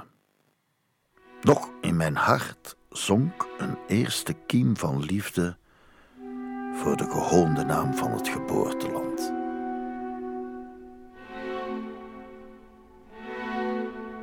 En dan breken de opstandige jaren aan. Niet verwonderlijk dat de stiefmoeder van de jongens ze liever niet meer in huis heeft overdag. Ze moeten maar weer naar school, vindt ze. Niet in de stad, maar wel naar het kleine dorpsschooltje van Borgerhout. Dat van Jan Frans Verkamme. Een paar jaar verstrijken en begin 1828 heeft Anna Catharina reeds twee kinderen op de wereld gezet. Er zouden er nog zeven volgen. En omdat ze graag een winkeltje wil beginnen, koopt Pierre op een openbare veiling een perceel grond op het Laar in Borgerhout. Daarop zet hij een klein burgershuisje met een verdieping van drie vensters breed en daarnaast zes kleine arbeiderswoningen, telkens met een binnenplaatsje. De kluis aan de Groene Hoek wordt verkocht. Einde van een hoofdstuk. Hendrik is ondertussen 16 jaar oud en de boze stiefmoeder vindt dat het tijd wordt dat de twee zonen van haar voorgangster gaan werken. Voor Jean Balthazar wordt dat een geval van ja, 12 stielen en 13 ongelukken. En Hendrik die kan onmiddellijk beginnen in de school van Verkammen, waar hij als ondermeester onder meer Nederlands en Frans geeft. Nu, voor Pierre Conscience was zo'n school in Borgerhout te min. En uh, hij vindt een plaats voor Henri in de school van meester Shaw. Dat is in de Antwerpse Rijksschool. En het gaat nog verder, want die meester Shaw die wil zelfs een aanbeveling schrijven voor een hele chique school, die van Jacques Delin op de Mer, waar de kinderen van de haute bourgeoisie van Antwerpen naar school gaan. En ook daar wordt Conscience ondermeester. Ja, zo'n chique school, die hebben ook eisen. En Delin had dan aan Pierre Conscience gezegd, ja, uw zoon moet wel in een zwart pak en met een overjas naar school komen. Als heeft Pierre gezegd, dat is geen probleem, ik zorg daarvoor. En hij neemt zijn zoon mee naar wat men de Volle Straat noemt. Dat is de huidige drukkerijstraat, vlakbij de Vrijdagmarkt. En dat waren allemaal tweedehands winkeltjes. Conscience moest daar dingen gaan passen die uh, in aanmerking kwamen. En als er dan iets was dat paste, dan was het meestal te duur voor Pierre. Het mocht nooit iets kosten bij Pierre. En uiteindelijk vinden ze in een winkel uh, een rok die wel voldoet voor de beurs van vader, maar waar de zoon het toch zo niet mee ziet zitten. Eindelijk stond ik daar met een zwart kleed of rok aan het lijf. Moest vroeger toebehoord hebben aan een tamelijk zwaarlijvige man van hoge gestalte, want de slippen hingen mij tot beneden de knievouw. De mouwen waren mij te lang en te breed en op de borst kon ik het toeslaan tot bij de schouders. Het was letterlijk versleten tot op den draad. Doch men had het door kuisen, wassen en borstelen zo zuiver gemaakt dat er geen enkele smet aan te bemerken was. En ondertussen zei de koopman dat het mij als geschilderd ging, dat het een fraai kleed was en dat het bij dragen nog wel zou krimpen en meer van andere vertroostingen die mij deden vergaan van spijt. Want nu bespeurde ik dat mijn vader met een tevreden en instemmende blik naar die hatelijke zwarte rok begon te kijken. Ja, en inderdaad, de koop wordt gesloten. Hè. Er valt niet te klagen, geen weerstand te bieden.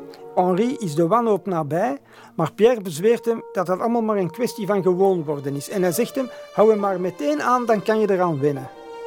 Nog geen tien stappen waren wij gevorderd of ik hoorde spottend lachen. Maar terwijl ik het hoofd op de borst had laten vallen en met de blik neergeslagen achter mijn vader ging, mocht ik nog mij afvragen of het wel met mij was dat men spotte.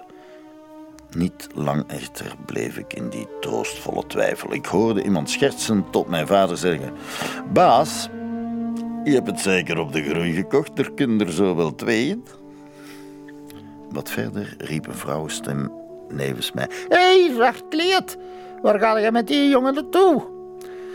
Het woord kapstok klonk mij terzelfde tijd in de oren. En dan verstoof mij het hart van schaamte. Waren het mij vergund geworden door de grond te zinken, ik had dit lot met dankbaarheid aanvaard. Nog dieper boog ik het hoofd en deed een oneindig geweld om niet te midden van de straat in tranen los te barsten. Mijn vader trachtte mij op te beuren door mij wijs te maken dat de oude kleerkopers slechts met ons spotten omdat wij in een andere winkel dan de hunne hadden gekocht. Het hielp niet. De steek was gegeven. Mijn hart bloedde te pijnlijk om enige leniging zijner wanhoop te aanvaarden. Verpletterd in mijn binnenste tranen stortende en met het angstzweet op het voorhoofd volgde ik de voetstappen van mijn vader. En wanneer ik soms de ogen durfde opslaan, scheen het mij toe dat iedereen mij bezag en de spot met me dreef. En zo geraakte ik half dood van schaamte in onze woning te Borgerhout. Mijn vader deed nog pogingen om mijn gedachten aangaande de zwarte rok te wijzigen. In zijn tegenwoordigheid bedwong ik mijn spijt en verdriet. Maar zodra ik mij op de zolder achter een hoop hout had kunnen verbergen, begon ik mijn door een tranenvloed overstelpte boezem te ontlasten.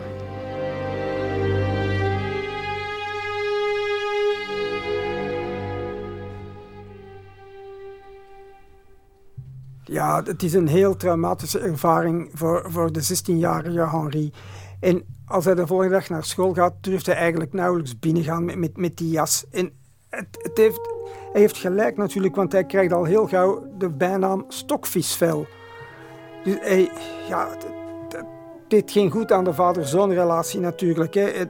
Hij moest, die, hij moest dan de, die rijke kinderen naar huis begeleiden in die onnozele jas, die belachelijke jas. En, en, uh, ja, hij, uh, en ondertussen had zijn vader allerlei uh, leuke spreekwoorden bedacht, zoals de tegenspoed in de jeugd is het zaad van de latere wijsheid. En daar had hij het ook wel mee gehad. En het zou bepaalde beslissingen het volgende jaar erg in de hand werken. En dat volgend jaar is 1830. Veel kranten waren er nog niet in Consciences jeugd. Van wat er in de wereld gebeurde, wist hij ja, weinig of niets. Maar wanneer in de zomer van 1830 in Parijs de juli-revolutie uitbreekt, heeft men het ook op de school van Conscience over patrie en liberté. En vooral dat laatste woord klinkt hem als zoete koek in de oren. Vrijheid. Hoe moest dit woord tot mijn jong gemoed spreken? Met welke onbewuste hoop moest ik het niet begroeten? Ik, die sedert vier jaren mijn leven aanschouwde als een ondraaglijke slavernij. Vrijheid was voor mij het middel om de gehoorzaamheid aan mijn stiefmoeder te ontlopen. Vrijheid was mijn manwording, de verlossing van het smachtend schoolleven, mijn opbeuring uit de zielesmart en uit de vernedering die mij het leven zo bitter en zo somber hadden gemaakt. En als het regent in Parijs, u kent het gezegde. Op 25 augustus 1830 wordt in Brussel, ter gelegenheid van de 58ste verjaardag van koning Willem I, de opera La Muette de Portichy opgevoerd. De gebeurtenissen die daarop volgen zijn nu ook bekend. De revolutie, die al enige tijd in de lucht hing, barst los. Maar ja, waar ging het ook alweer om? Eigenlijk om een taalkwestie. De Belgische weldenkende elite was Frans sprekend en ja, dus niet blij met de taalpolitiek van de Nederlandse koning. Die had namelijk het idee opgevat om in de Vlaamse provincies het Nederlands in te voeren als enige taal voor bestuur en rechtspraak. En dan waren er nog de katholieke leiders. Zij stoorden zich aan Willems godsdienstige tolerantie en de liberalen die meer persvrijheid eisten. Iedereen malcontent dus. En zo slaat het protest van de operagangers tegen het bestuur in Den Haag over naar de verarmde Brusselse bevolking, die maar meteen aan het plunderen slaan. Heel wat steden, vooral in Wallonië dan, volgen het voorbeeld van Brussel. Maar in Antwerpen blijft het vrij rustig. Maar op 23 september valt het Nederlandse regeringsleger Brussel binnen. Het krijgt zoveel weerwerk dat het zich vier dagen later al moet terugtrekken. Opgejaagd door de Belgische patriotten keert het zo snel mogelijk naar Nederland terug. In Antwerpen beseft men dat het niet lang meer zal duren vooraleer ze in de klappen zullen delen. De scholen worden uit veiligheidsoverwegingen gesloten. En dan, op de ochtend van 25 oktober, gebeurt het. Die morgen was ik met mijn broer in het veld toen wij opeens uit de verte het doffe gedonder van kanonnen hoorden. Een gil van blijdschap ontsnapte ons terwijl wij in geestdrift uitriepen: De Belgen! Daar zijn de Belgen! En zonder te weten wat wij deden, liepen wij uit al onze macht in de richting van Berchem, van waar het gerommel van het geschut scheen te komen. Nauwelijks waren wij de brug door Herentalse vaart overgeraakt, of wij zagen niet ver van ons, achter het geboomte, de rookwolken van een grote brand in de hoogte stijgen. Een oude man, een vrouw en een jong meisje liepen ons kermend voorbij. Zij hielden elk een koe bij een zeel en dreven de dieren met geweld vooruit. Zo zeer moest hen de schrik getroffen hebben dat zij op een ondiepe plaats in de vaart in het water sprongen en hun vee op de andere oever brachten, waarna ze even gejaagd in de richting van Borgerhout wegvluchtten. Henri en, en, zijn broer schrikt het niet af. Zij trekken verder in de richting van waar de, de rookpluimen te zien zijn. En bij Zurenborg, tussen Borgerhout en Berchem, zien ze een grote hoeve in brand. En ze gaan daar naartoe. Er liggen half verkoolde kadavers van runderen en enkele soldaten snijden daar vlees van. Ook zij gaan proeven van dat vlees, maar ze vinden het maar heel bitter smaken. Ondertussen vloog er nog van tijd tot tijd een obus over de brandende hoeve. We hoorden geweerschotten bij duizenden, maar het werkelijke gevecht scheen meer aan de kant van Berchem te geschieden. Het was het moment waarop de heldhaftige jonge graaf Frederik van Merode in de rangen der Belgen dodelijk gewond neerviel. Op de plek waar die Frederik de Merode gewond raakte, staat nu een standbeeld. Uh, de, in de buurt bekend als de, drie zatlappen. En uh, ik ben daar ook nog geregeld iets gaan drinken in het café vlakbij. Uh, de Merode die wordt naar Mechelen overgebracht, waar men gaat proberen hem nog wat op te lappen. Maar zijn been moet geamputeerd worden en na tien dagen overlijdt hij aan zijn verwondingen. Maar in die periode wordt hij een soort nationale held en men wil hem zelfs men wil hem zelfs koning maken, maar hij sterft dus. Die obussen die overvliegen, dat is ook speciaal verhaal. Een van die obussen ontploft niet en Conscience is heel geïnteresseerd, gaat er naartoe en graaft die obus uit als een soort uh, trofee. Eensklaps hoorden wij de trom met snel groffel achter het kreupelhout slaan. En onmiddellijk ontplooide zich in de verte een schaar mannen met blauwe kielen. Het waren de Belgen die de voorpost van de Hollanders met hevig geweervuur aanvielen. De Hollandse soldaten, te weinig in getal om weerstand te bieden, verlieten de hoeve in allerijl. De aanblik van een vlucht trof ons met schrik. Mijn broer en ik, die nog altijd de obus in de arm hield, liepen zo snel we konden van de hoeve weg. Terug in Borgerhout konden we het nieuws brengen van de Belgische zegepraal.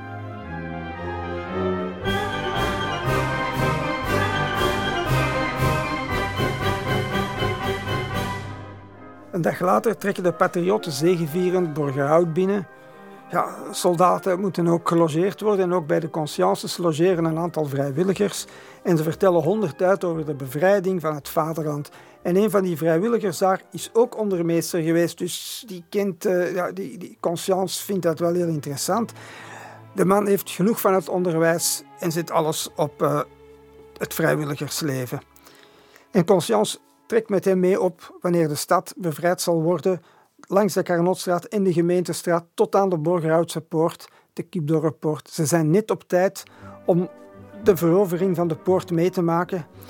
Maar voor de jonge Henri had de ontvangst iets minder enthousiast mogen zijn. Naast de poort op de hoek van de straat, die men Meulenberg noemt, stond een hoop arme vrouwen te juichen en leven de Belgen te schreeuwen. Ze schenen dol of dronken. Een lelijk oud wijf kreeg mijn toog. Mijn uiterste jonkheid boezemde haar waarschijnlijk bewondering of medelijden in, want zij sprong met de twee armen vooruit op mij toe en riep: Och, mijn klein Belgische lief, kom hier, kind, u moet ik toch eens stond er de koning bij. En zij sprong mij zo vurig en zo woest om de hals dat ik onder het onverwacht geweld zwichten met wijf en al achterover viel en mij terdege aan het achterhoofd bezeerde. Zijn Brusselse vriend helpt hem terug te been en samen trekken ze de stad in. Maar bij de plundering van een, van een wapendepot aan de, aan de graanmarkt verliest Conscience zijn vriend uit het oog en, en ziet hem niet meer terug.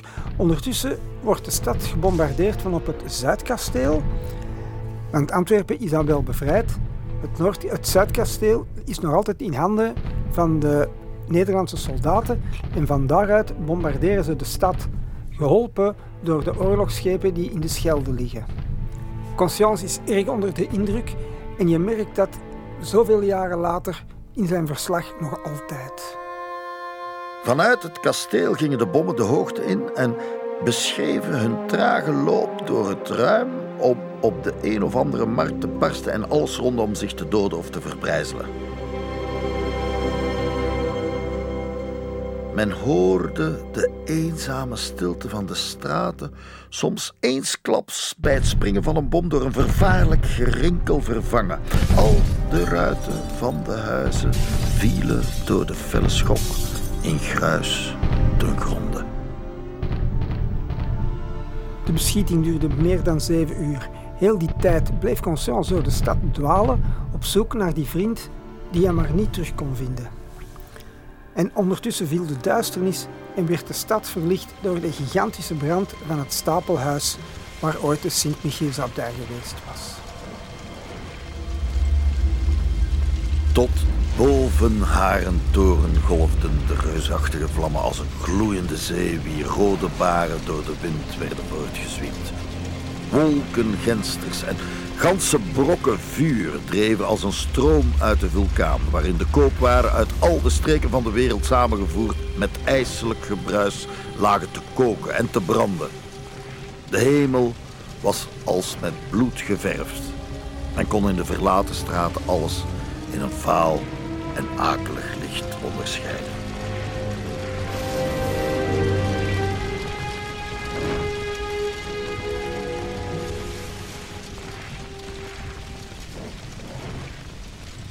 Het was ook behoorlijk gevaarlijk in de stad. Want er stonden bijvoorbeeld wagens met buskruid die men zo snel mogelijk de stad uit wou. Want als de bommen van de Nederlanders op die wagens terechtkwamen, was de, het resultaat uh, niet te overzien.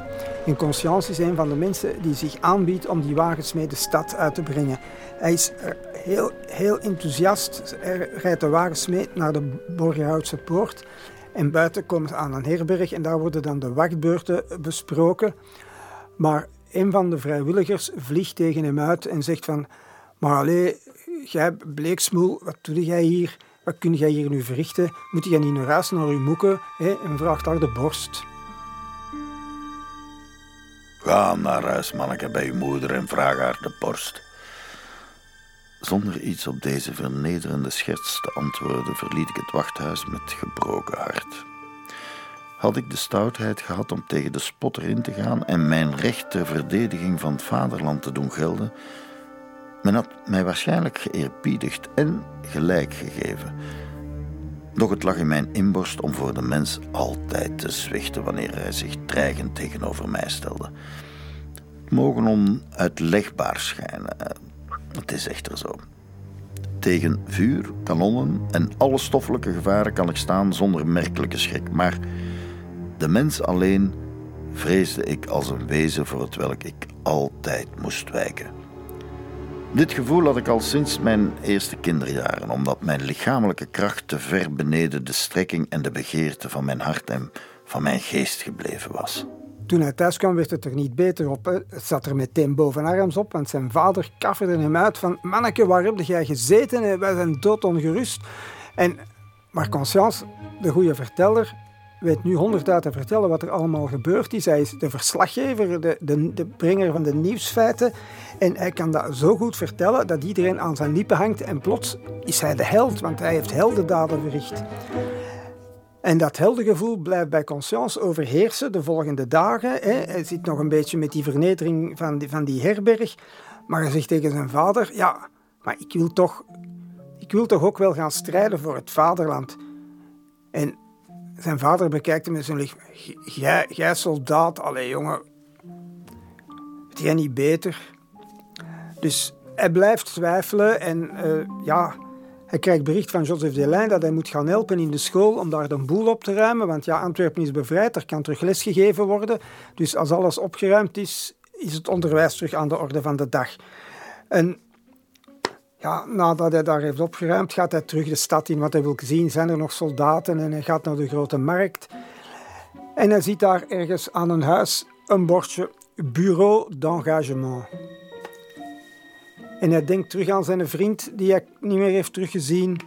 En uh, hij denkt aan, aan, die man die hem uitgemaakt heeft omdat hij uh, er nog zo jong uitziet. En hij is voortdurend heen en weer. Ga ik nu een held worden of ga ik? En uiteindelijk stapt hij binnen en hij tekent voor twee jaar. En hij, wordt onmiddellijk, hij krijgt onmiddellijk soldatenlogement en van daaruit schrijft hij een brief naar zijn vader en hij zegt van Vader, ik heb het gedaan, uh, uh, ik, uh, ik word soldaat en hij verantwoordt, zijn keuze. En de volgende morgen moeten alle recruten verzameld op de Groenplaats, dat heette toen nog het Groenkerkhof, en worden daar in, onderverdeeld in, in compagnieën. En plots duikt daar zijn vader op en die sleurt hem uit die compagnie en en leest hem opnieuw de Levieten.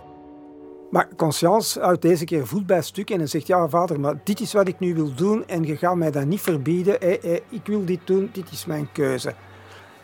En opeens draait Pierre Conscience helemaal en zegt van, oké, dat is goed en we gaan voor u hier een soldatenkostuum kopen en, en oké, maar let op, ze gaan ruw zijn tegen u, maar als dat uw keuze is, doe het, gaat ervoor. Het geroffel van een trom brak eindelijk mijn vaders wijze raadgevingen. De vrijwilligers gingen vertrekken. Toen mijn vader tot vaarwel mij in de armen drukte, murmelde hij nog. En Henri, gedenk immer het spreekwoord: ieder is het kind van zijn eigen werken. Vanaf nu is uw lot in uw eigen handen. Het zal zijn wat gij er zelf van zult maken. De tranen stonden hem in de ogen. Ik weende snikkend. Even bedacht ik om hem te volgen en de soldatendienst te ontvluchten. Maar toen begonnen de trommen de mars te slaan en ik zag de compagnieën zich in beweging zetten. Met het aangezicht nog nat van tranen liep ik in mijn gelid. En weg was ik naar de grenzen.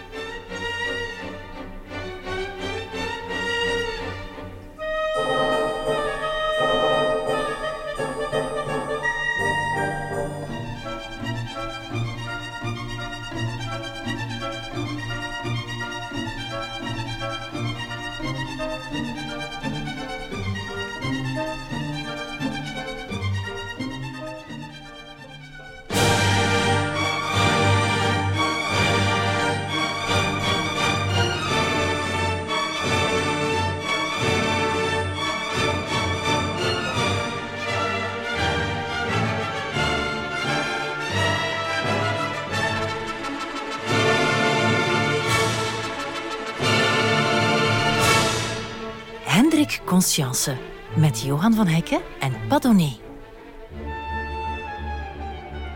Pierre Conscience was er toch niet zo gerust op. Twee dagen later stond hij al in Oostmalle, waar de derde compagnie van zijn zoon gelegerd was. De jagers Nielon. Hij ging naar de compagniecommandant. Hij kende die nog van de tijd dat ze zelf allebei soldaat waren geweest in het leger van Napoleon. En hij zei van ja, je gaat toch goed voor mijn zoon zorgen? Ja, zegt die compagnon, ja, dat is, uh, dat is in orde. Hij maakt Henri al heel snel corporaal. En op 20 november wordt hij al bevorderd tot fourier en is hij meteen onderofficier. Zoals hij dan trots naar huis kan schrijven. En het, dat was een uh, vrij leuke tijd. Tot het eind van het jaar zit hij in Turnhout en uh, het is, er gebeurt eigenlijk ook niks. Het Belgisch leger is een beetje een zootje, zonder enige discipline. Maar begin januari 31 is er toch weer onrust aan de grenzen en moeten de grenzen serieus verdedigd worden en trekken de compagnieën in de richting van Limburg.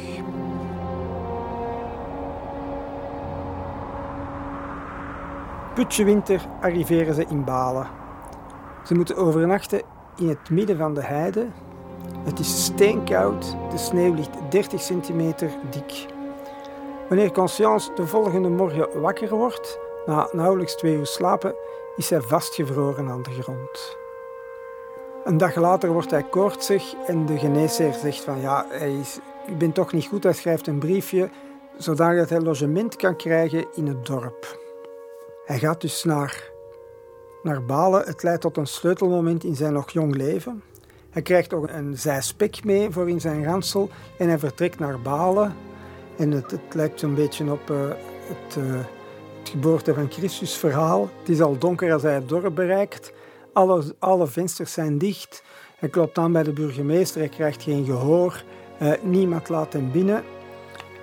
Komt aan het einde van het dorp, ziet hij in de verte nog een lichtje branden, gaat daar naartoe en daar doen ze open aan een Belgische soldaat. Maar meneer, ze hebben ons koe al meegenomen en al onze kippen. Wij hebben niks niet meer. Maar zegt, ik ben ziek, ik ben ziek. Ik moet alleen maar onder het dak hebben voor een nacht. En ze laten hem binnen. De hut was bewoond door een man en zijn vrouw en door hun dochter Betken, een meisje van omtrent de 17 jaar. Deze laatste beklaagde de arme Belg met luide stem en aanschouwde hem met zulk liefderlijk medelijden dat alleen al haar zoete blik mij troost in de boezem goot. Ik wilde de lieden geld geven, doch de man en de vrouw reageerden met verontwaardiging op mijn aanbod. En toen schoot mij opeens te binnen dat corporaal Fabrie enige ponden spek in mijn ransel had gestoken. In allerhaast sneed ik een paar stukken af. De pan werd over het vuur gehangen en weinige ogenblikken later zat ik met mijn nieuwe huisgenoten aan de dis. S'avonds, wanneer moeder en vader ook rondom het vuur gezeten waren, dan moest ik vertellen. Omdat ik wist dat het bedkind plezier deed, spande ik al de krachten van mijn verbeelding in en ik schiep en schilderde de zonderlingste voorvallen die mijn toehoorders zo zeer boeiden dat zij urenlang met gapende monden naar mijn verhalen luisterden. De ziel van de maagd, terwijl zij dus met haar grote ogen mij aanschouwde, scheen op haar gelaat te zweven. Onder de indruk van haar hemelreine blik voelde ik de macht van mijn geest verdubbelen. Ik werd dichter door de opwelling van een voor mij nog onbewust gevoel. Zij scheen mij zo schoon. De tengere, zoete maagd met haar frisse wangen eh, en helder blauwe ogen. Zo schoon en zo zuiver. Dat ze mij voorkwam als een engelijk beeld, omhuld met een wasemkring van kuisheid en van betoverende onnozelheid. In mijn eenvoudige gemoed wenste ik dat God mij had toegelaten haar broeder te zijn. Hoe gelukkig en hoe blij had ik mijn leven aan haar zijde gesleten. Ja, Conscience heeft nooit geen macht doen blozen. Dat is natuurlijk wel waar. Maar hij kan heel goed weergeven wanneer iemand verliefd is en de gevoelens van liefde en ook zo en de blikken en, en de reacties en zo. Daar vind ik ontzettend sterk in. Je voelt, die spanning, die, daar, is hem, vind ik, heel straf in. Mijn blik viel op het meisje. Ze lachte mij eenvoudig toch zo minnelijk toe dat ik het hoofd boog en schaamrood op mijn hoofd voelde klimmen. Wanneer ik aan de minste beweging van haar hoofd kon raden dat zij de blik tot mij ging richten, keerde ik met schuchterheid mijn gezicht terzijde.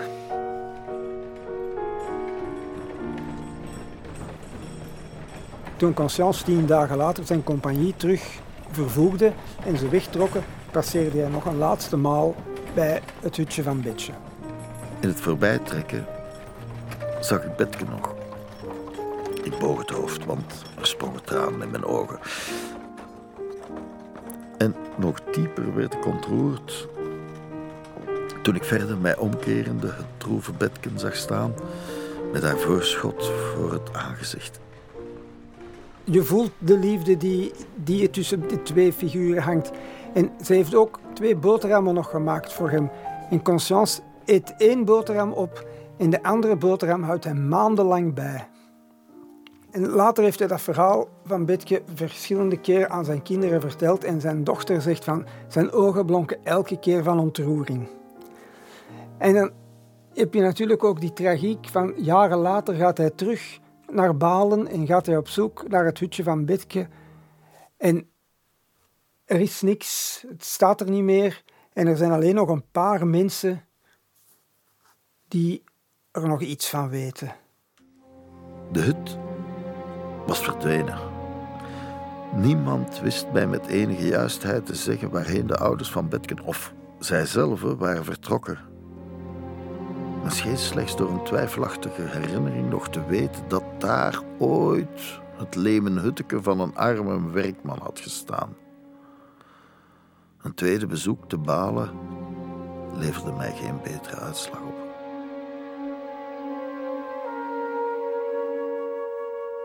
Tot eind juli 1831 zwerft het regiment van Conscience rond in de Kempen.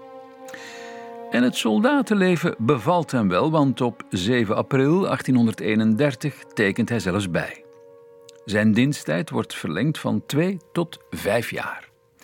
Geleidelijk aan raakt het leger ook beter georganiseerd. Ze krijgen een uniform van groen laken met rode boordsels. Maar in de nacht van 1 augustus wordt het soldatenleven ernst. Willem I heeft geweigerd het verdrag der 18 artikelen te ondertekenen. Het is een verdrag waarmee de Europese mogendheden hem de onafhankelijkheid van België laten erkennen. Hij weigert niet alleen, hij wil ook België gewapenderhand heroveren. 50.000 soldaten heeft hij geposteerd onder Breda, Tilburg en Eindhoven. Zijn plan is om België via de Kempen binnen te vallen en zo een wicht te drijven tussen het Scheldeleger in Antwerpen en het Maasleger in eh, Hasselt. De Nederlanders rukken op en het regiment van Conscience komt in het heetst van de strijd terecht. Op Ravelse Heide bieden ze fel weerstand. Gedurende enkele dagen kunnen ze de Nederlanders doen geloven dat ze met veel meer zijn dan de ja, 800 man die hun regiment in werkelijkheid telt.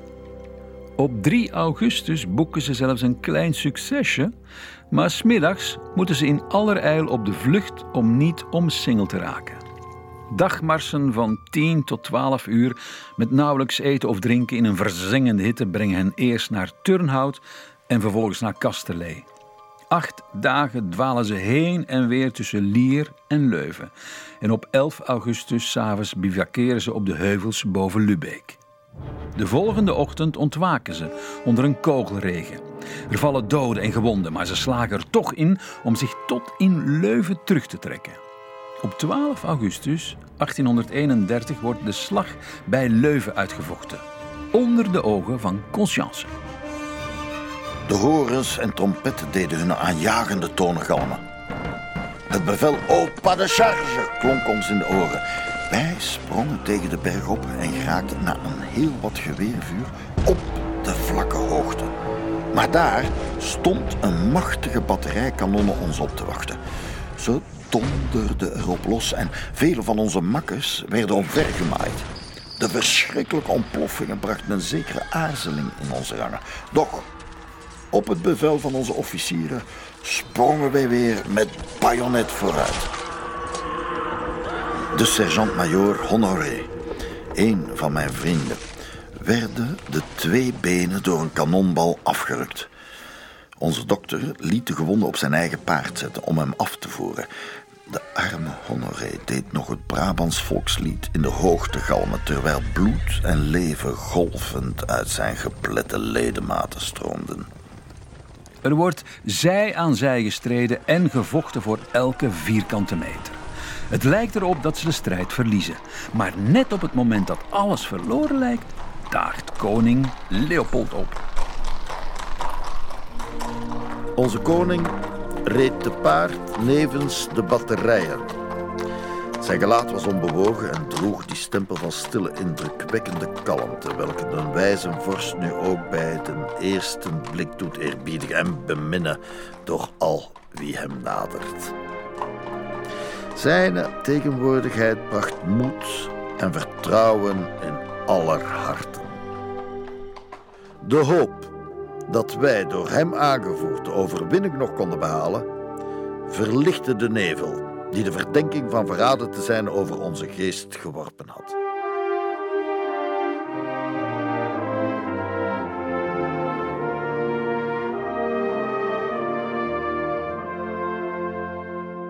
De aanwezigheid van de koning mogen hen dan wel moed en vertrouwen schenken. Het volstaat niet om de Nederlandse troepen een halt toe te roepen. Bij de bestorming van de Roeselberg verliest Conscience zelfs verscheidene vrienden en ontsnapt hij zelf ter nauwernood aan de dood. Het Belgisch leger lijkt verslagen. Dan zag ik plotseling, voor de afspanning, onze koning Leopold te paard gezeten en omringd van enige stafofficieren. Hij scheen met hen te beraadslagen en reed wel haast met zijn geleide naar Leuven op in de richting van het vijandelijke leger. Ik had het gelaat van de koning aandachtig beschouwd. Een droeve, doch grootse kalmte maakte het indrukwekkend, zelfs op dit smartelijke ogenblik. Maar dan valt opeens het geweervuur en kanongebulder stil. Een staakt het vuur. Wat is er gebeurd? De grote mogendheden zijn tussen beiden gekomen. Het Franse leger is inmiddels ook opgerukt en staat bij Waver klaar om in te grijpen. De prins van Oranje heeft geen keuze. Hij moet de wapenstilstand ondertekenen. Conscience zelf is trouwens ernstig gewond geraakt aan zijn voet en komt terecht in een infirmerie, een noodhospitaal in Mechelen. Maar op 20 september 1831 kan hij zich weer bij zijn regiment voegen. Maar de bijna desastreuze veldtocht van Willem I heeft wel gevolgen. Het jonge België beseft dat het zich geen geondisciplineerd leger meer kan veroorloven. Hervormen maar. Conscience krijgt nieuwe oversten, met name een officier die hem voortdurend vernedert omwille van zijn jeugdige voorkomen en meent dat hij van Hendrik een echte man moet maken. Bijna elk uur van de dag moest ik nu met hem in aanraking komen. Hij bejegende mij telkens met ontmoedigende hardheid, strafte mij onbarmhartig en vervulde mijn neergeknakt gemoed met hopeloosheid en met schrik. De gevolgen blijven niet uit. Conscience krijgt last van nachtmerries, wordt ziek en stelt zelf de diagnose vast: de landziekte. Wanneer een soldaat de landziekte krijgt, bekomt zijn gelaat een bleke kleur van een eigendomme lijkentoon. Zijn ogen worden weifelend en bewegen langzaam. Het hoofd neigt hem op de borst. Hij schijnt altijd in diepe mijmering verzonken en spreekt men hem hard toe, dan schiet hij met verrassing uit zijn droom als iemand die ontwaakt. Niets kan hem vermaken. Zijn lach, indien hij nog bekwaam is om hem te veinzen, is bitter en droef. Hij ontwijkt zijn vrienden en is liefst alleen. Wanneer zijn gezellen de kazerne verlaat om uit wandelen te gaan, blijft hij in de kamer. Als zij thuis zijn, verbergt hij zich in een een of andere hoek van de kazerne om, ongezien met het hoofd op de borst, in vrijheid te kunnen dromen.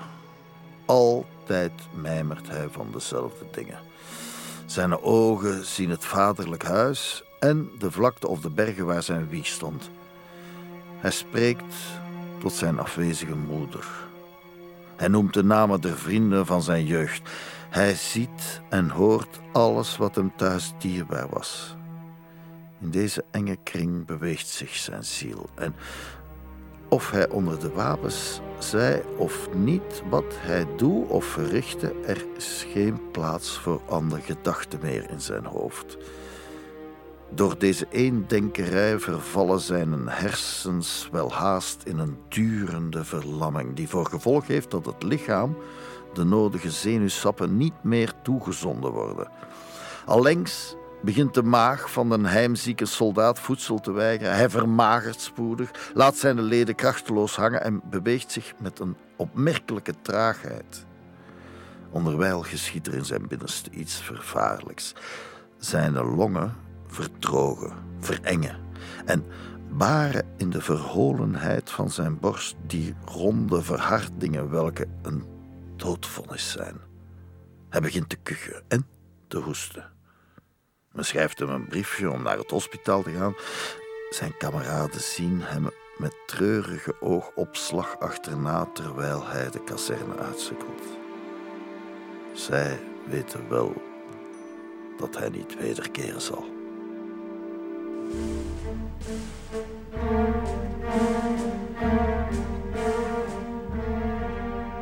De landziekte wordt uiteindelijk een zware depressie. Maar daar hebben ze in het leger een prima labmiddeltje voor. Vier glazen absint. En het werkt nog ook. Hendrik geneest. Hij mag het vanaf nu wat rustiger aan gaan doen, waardoor hij weer wat tijd krijgt om zich met studie bezig te houden. Uiteindelijk belandt zijn nieuwe regiment in Venlo, dat op dat ogenblik nog Belgisch grondgebied is. En het is daar dat hem in november 1838 acht dagen vrijaf worden gegund. Tijd om nog eens naar huis te gaan, zijn familie weer te zien en de vrienden natuurlijk. Zijn beste vriend Jan de Laat is inmiddels voor arts aan het studeren. Hij vertelt hem over bloed en beenderen, maar ook over kunst en literatuur. En hij neemt hem mee naar een kroeg achter het stadhuis in het Roosken. Daar in het Roosken zit het vol met allemaal jonge kunstenaars met, met hoeden en capes, discussiërend met elkaar over de nieuwe tendensen in de schilderkunst en de kunst. Ze hebben gebroken met het neoclassicisme. Ze dragen hun leraar Gustav Wappers op handen en spreken voluit over het grote schilderij over de septemberrevolutie eh, dat die man aan het maken is. En ze hebben het ook over de, over de jonge literatuur. Ze noemen zich de kunstenaarskring. En uh, alles wordt overgoten met, met drank en, en liederen. Uh, het is een enthousiaste bende bohemiens. Conscience kijkt er met onwaarschijnlijke bewondering naartoe. Het is iets helemaal anders dan wat hij gewoon is in het leger. En er gaat een hele nieuwe wereld voor hem open. En als hij s'avonds terug thuis is, tuiten zijn oren nog na. Al wat ik hoorde was nieuw voor mij. Ik luisterde stilzwijgend en alhoewel het mij toescheen dat er ook onzin en grootspraak in de gezegden van sommigen was gemengd, toch bewonderde ik de overvloed van moed en zielskracht in deze jonge mannen.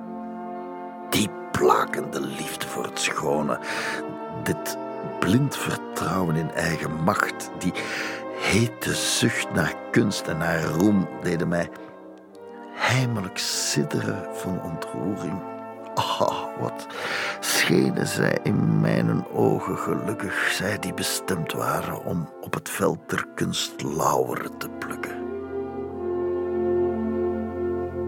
De volgende dag gaat hij weer op stap met de laat en de laat neemt hem mee naar zijn eigen huis, naar zijn kamer en toont hem een tijdschrift waarin een lang gedicht staat. En onder dat gedicht staat in drukletters de naam J. de Laat. Conscience is onder de indruk en vraagt zich af wat hij de hele tijd daar in dat leger heeft zitten doen. Maar de Laat zegt, maar jij kan ook zulke verzen schrijven. Je moet het proberen. Schrijf van die gedichten en stuur ze mij op en ik zal ze voor u verbeteren. Conscience weet niet goed wat doen, maar als hij de volgende dag zich moet klaarmaken om terug naar Venlo te gaan, ziet hij nog zijn vader en net voor hij vertrekt zegt hij: Vader, ik denk dat ik dichter wil worden. Toen hij mij om meer uitleg vroeg, zei ik dat ik besloten had krachtige pogingen te doen om poëet te worden. Hij schudde het hoofd met medelijdende glimlach en sprak op ongelovige toon. Die gekheid ontbrak er nog aan. Dichter, ongelukkige. Daartoe hebt gij niet genoeg geleerd. En, en waar dit niet het geval, is het dan zo'n te benijden lot om uw leven op een zolder te slijten en het mensdom te verwensen, omdat het u van honger laat sterven? Jij hebt lang genoeg gedroomd. Denk nu aan het werkelijke leven en zet deze kinderachtige grillen uit je hoofd. Zijn oneerbiedige woorden tegen de heilige dichtkunst troffen mij pijnlijk.